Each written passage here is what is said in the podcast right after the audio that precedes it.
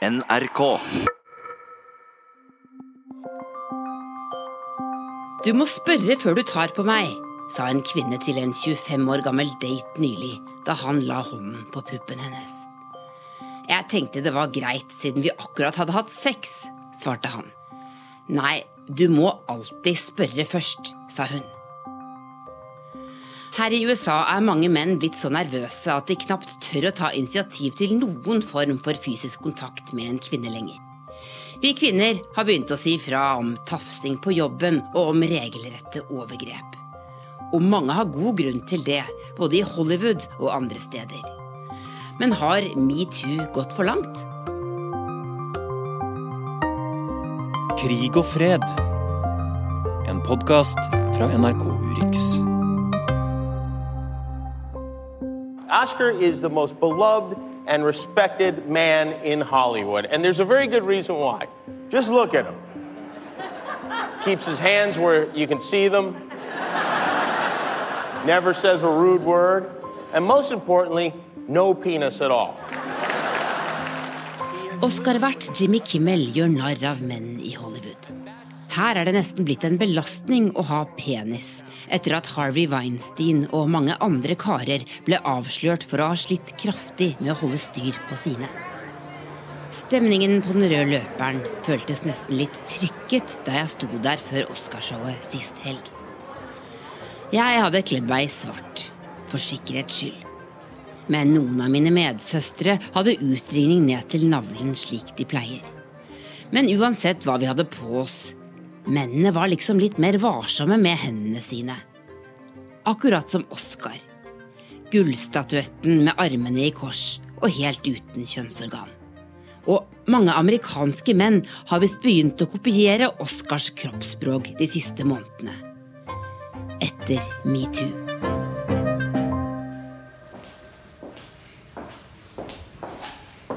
Jeg er tilbake i mer uglamorøse Washington og på vei for å møte en som vet litt om dette.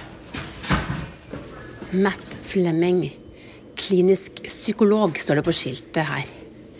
Utenfor døra. Skal vi se. Hei. Hei, Matt. Yes, Matt Fleming. Hi, Nice Tove. to meet Tove, you. to Tove. Yes. Tove or Tove? Tove. T eh, Tove, ja. Tove. Well, nice to meet you. Welcome. you. Great. Find the place okay? Yes. Matt Flemming er i 40-årene, har mørkt hår og skjegg og en sånn terapisofa som det finnes mange av i denne Porsche-delen av Washington DC. I see a lot of um, college students, graduate students, a lot of young adults that anywhere from the nonprofit, some lawyers, some people in government. So a lot of people with high stress jobs, um, and uh, and the cost of living here is very high as well. So there's also the stress of that. Therapy is expensive, so the clientele is pretty wealthy to be able to afford it. Have you seen anything change after the Me Too revolution kind of hit uh, four or five months ago? The biggest change that I've seen in my clientele, which is mostly men, I'd say about 95% men, begin to wonder what they have done in the past and if it may come back to haunt them. Um, so there's a lot of anxiety that they're dealing with there. Uh, and that's the biggest piece that I've seen so far in my own practice. So people are looking back thinking, oh my gosh, Right, yeah. One saying, Ooh, I know I probably didn't behave the way I should have behaved. And what if that comes out now or later on when I'm further on in my career? So, some anxiety there. I had one client discuss with me whether or not he should reach out to her from five, ten years ago and try to explore or apologize or explain because he was r- struggling with uh, the anxiety that some men are feeling around this and what could happen. what are they afraid of? I think they're afraid of being accused of something that they've done, uh, either accurately accused or also in some cases maybe inaccurately accused. It's very stressful. Some of it can go on your record, and it's hard to come back from that. So there's a lot of fear around just the accusation. But on the dating scene, I mean, you go on a date, you obviously, or might be interested in something actually happening, uh, you know, sexually, or how should men navigate this in this new day and age? I've always believed that it should be co-determined and co-constructed. You have to explain that to me. That so the discussion, the discussion of even where to go to get food for dinner should be a mutual decision. Um, I know there's some old-fashioned beliefs as what the man might be responsible for the women, so I do appreciate the importance of deciding with the woman even who pays for the first meal. So as uh, you can take that on throughout the night, I think every step of the way there should be a discussion. The question necessarily shouldn't be, "Hey, can I have sex with you tonight?" It should be, "What would you like to do tonight?" And from that, see what emerges, and if there can be some sort of discussion and collaboration and almost negotiation about how to best proceed, what people want actually versus acquiescing to. If you go on a date, I mean, if you want to like approach somebody physically, isn't it a little bit like somebody has to cross some kind of line at some point? If everyone's really afraid of doing anything, nothing's going to happen? Or how do you approach that? You could cross a line or you could have the discussion, talk it out, don't act it out, right? Use your words. So if you mean cross the line by making a move, That's what I mean. Yes, I actually recommend with some of my male clients to actually not even make the move, but have some sort of statement like, I would like to kiss you now. Would you be interested in a kiss? Versus just leaning over uh, uh, the table and kissing her, especially in public. Uh, to me, that seems um, present, potentially a little presumptuous and risky. And it does take a lot, uh, some spontaneity, out. Um, it also forces both parties to be deliberate, and if it doesn't go well, then they are responsible. I think it's really a, a, frustrating time to be a single person right now. You know, I like the idea of being single in theory. You know, that's like, oh, you meet a bunch of different people, you get to know them. When you meet someone you really like, you kind of pursue a, a deeper thing. That that sounds cool. I would sign up for that. But that's not what being single is anymore now. Like this is this is what being single is now. Like, hey, it was great meeting you. We should get together sometime. Yeah, that'd be great. Be in touch. All right, cool. Bye. Dette er Assis Ansari. Han er komiker og skuespiller kjent fra serien Parks and Recreation. Han fleiper gjerne med singelstatusen sin. Hey, what's up? We're almost there. Shit, we just left. Why? Why did you just leave? so rude.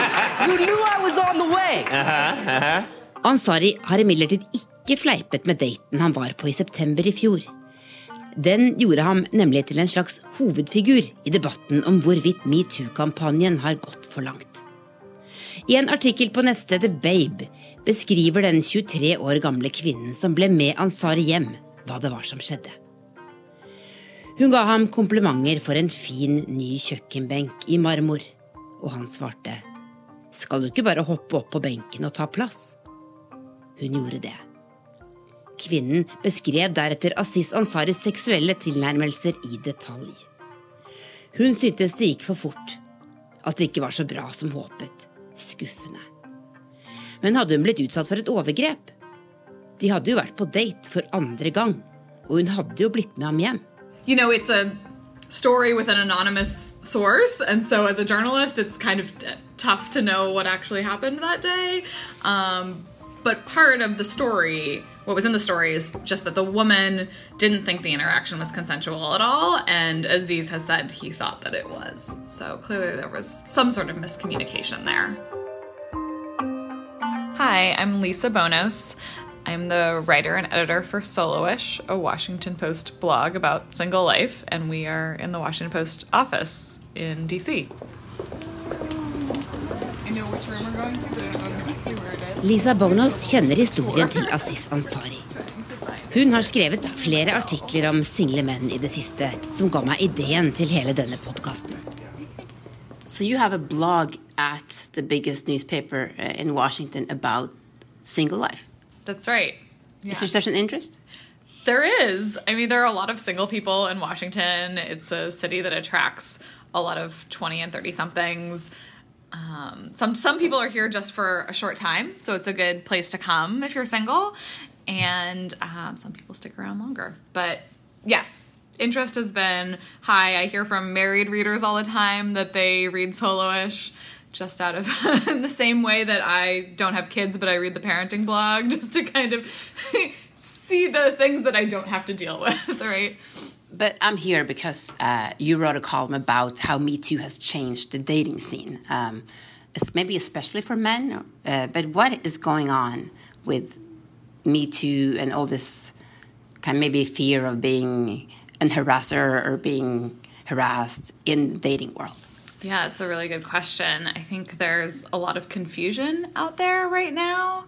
Um, you know, as men are watching the news and seeing um, just the prevalence of women saying that they've been sexually harassed at work or assaulted in their personal lives and, and harassed, uh, men are starting to wake up to what a re- everyday reality that is for women.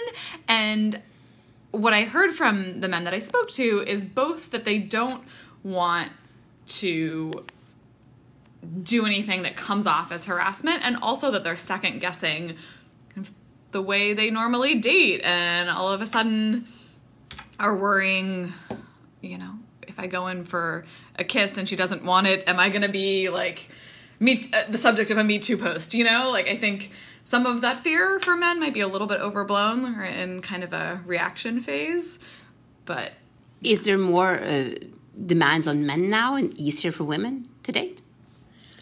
I think it's just harder for everyone. Um, I think you do see men hanging back a little bit more and waiting for women to be the pursuers a little bit, but women are taught all their lives that men should pursue them. So that change is not necessarily happening so fast. I have heard from some men for this story that women they have slept with recently have made it very clear and upfront in ways that that they hadn't heard before that like yes i want to have sex with you and like had been kind of more forward than they had seen prior to the past six months You have some examples uh, you've spoken to, especially lots of people in their 20s and 30s. What are some of the things people are, are saying about the challenges after Me Too? Yeah, so I spoke to one young man who's 25 and you know, he went to college in this era of being taught a lot about sexual assault on campus and how to get consent before having sex. So he really knows how to have these tough conversations about is it okay if I touch you here? Can I kiss you now? You know, that kind of thing. And but even he was finding that some women appreciate all those questions and do want them to be asked before every interaction.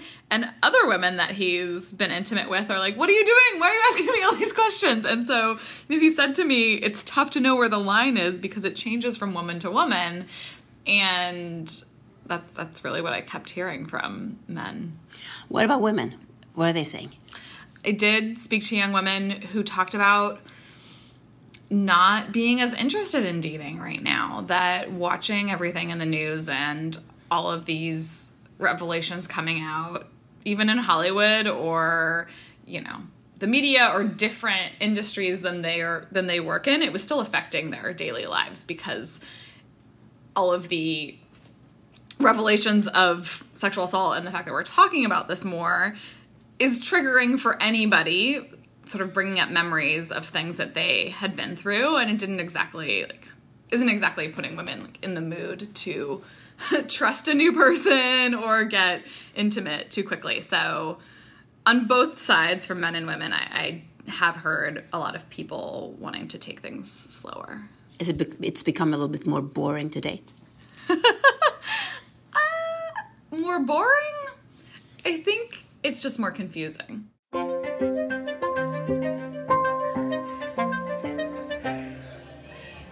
Jeg har opplevd de sier flere ganger at uh, når vi kommer i samtale, at damer sier at det er men i DC er mye mer kjedeligere. da. Veldig A4, veldig straight forward. De jobber mye. De de altså, legger seg tidlig om kvelden, stiger opp klokka fem-seks om morgenen og har liksom en helt annen dø- døgnrytme. På en bar i Beverly Hills sitter jeg og diskuterer amerikanske menn, og ikke minst amerikanske kvinner, med en mann fra Os i Østerdalen. Hei, jeg heter Lars Aas og jeg er frilansfotograf for NRK i USA. Lars og jeg jobber sammen. Han er 15 år yngre enn meg og singel. Men du, Lars. Du er jo liksom i målgruppa. Du er eh, 30, sant? Ja.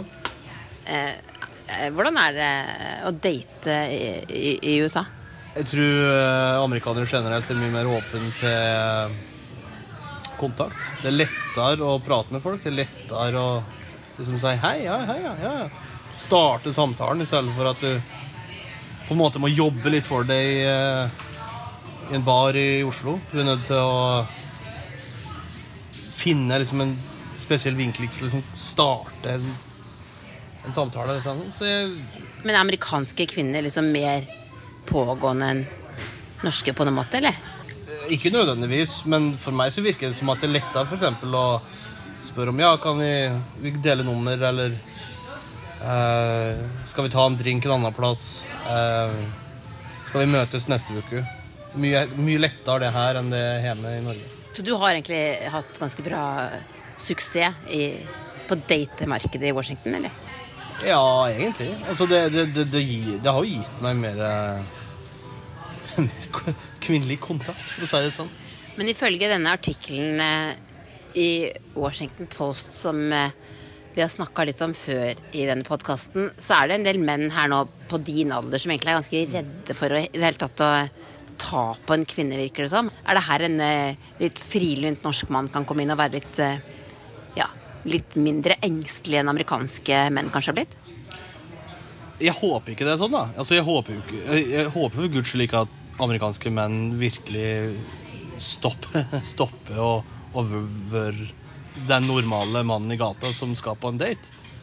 Uh, det her er kanskje bak, uh, baksida av hele metoo-kampanjen, fordi den har blitt så stor. Altså det, det, er et stort pennestrøk over liksom hele fjøla, i stedet for at det er retta mot det det faktisk er. Maktmisbruk, eh, seksuell misbruk, de tinga der. Men jeg klarer liksom ikke å sette det i samme bås. da, ikke sant? Men har du noen gang eh, vært redd for å ha gått over streken, for å ha blitt beskyldt av en amerikansk eh, date for å, å gå lenger enn hun ønsker? For at det skal skje noe, for at hun skal bli, bli beskyldt for noe? Jeg har ikke opplevd det. Eh, brorparten av det, de situasjonene jeg har vært i, da, der det er dating på et generelt grunnlag, så er det jo ofte jenter som har tatt initiativet. Og da føler jeg bare på, for da, da, da er det veldig lett ikke sant, å se signalene at her er det noen som Her vil vi gå videre.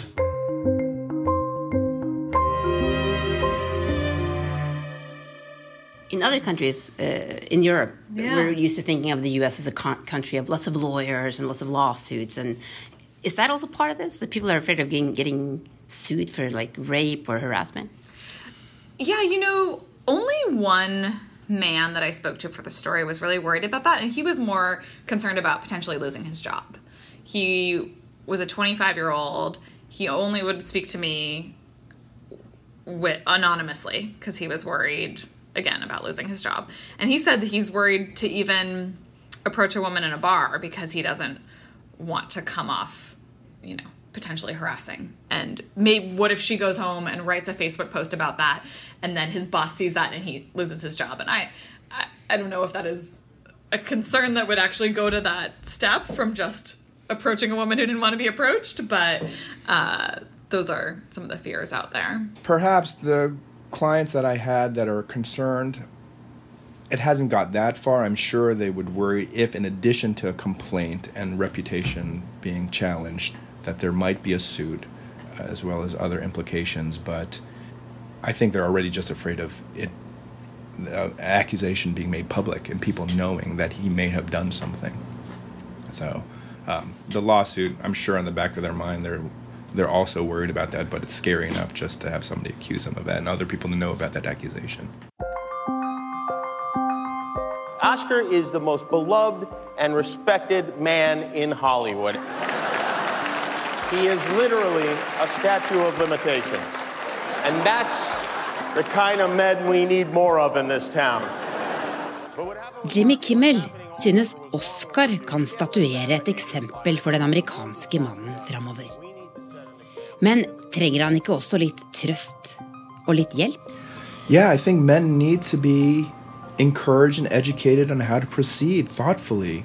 I think, especially in this culture, there has been a lot of encouragement to to take the lead and go after what you want and um, be persuasive or read her mind for her or do her a favor or So there's a lot of that that needs to be really reevaluated, question, and I think undone. Um, so I think men need a lot of help, even though they may not know they need that help. But I think they're beginning to realize, wow, the ways I thought I should go about doing this and what I thought was supposed to be cool and macho and what was celebrated is now very dangerous. What am I supposed to do then if I do want to be able to play with others? now, how do I proceed? so they may need help around how to figure that out.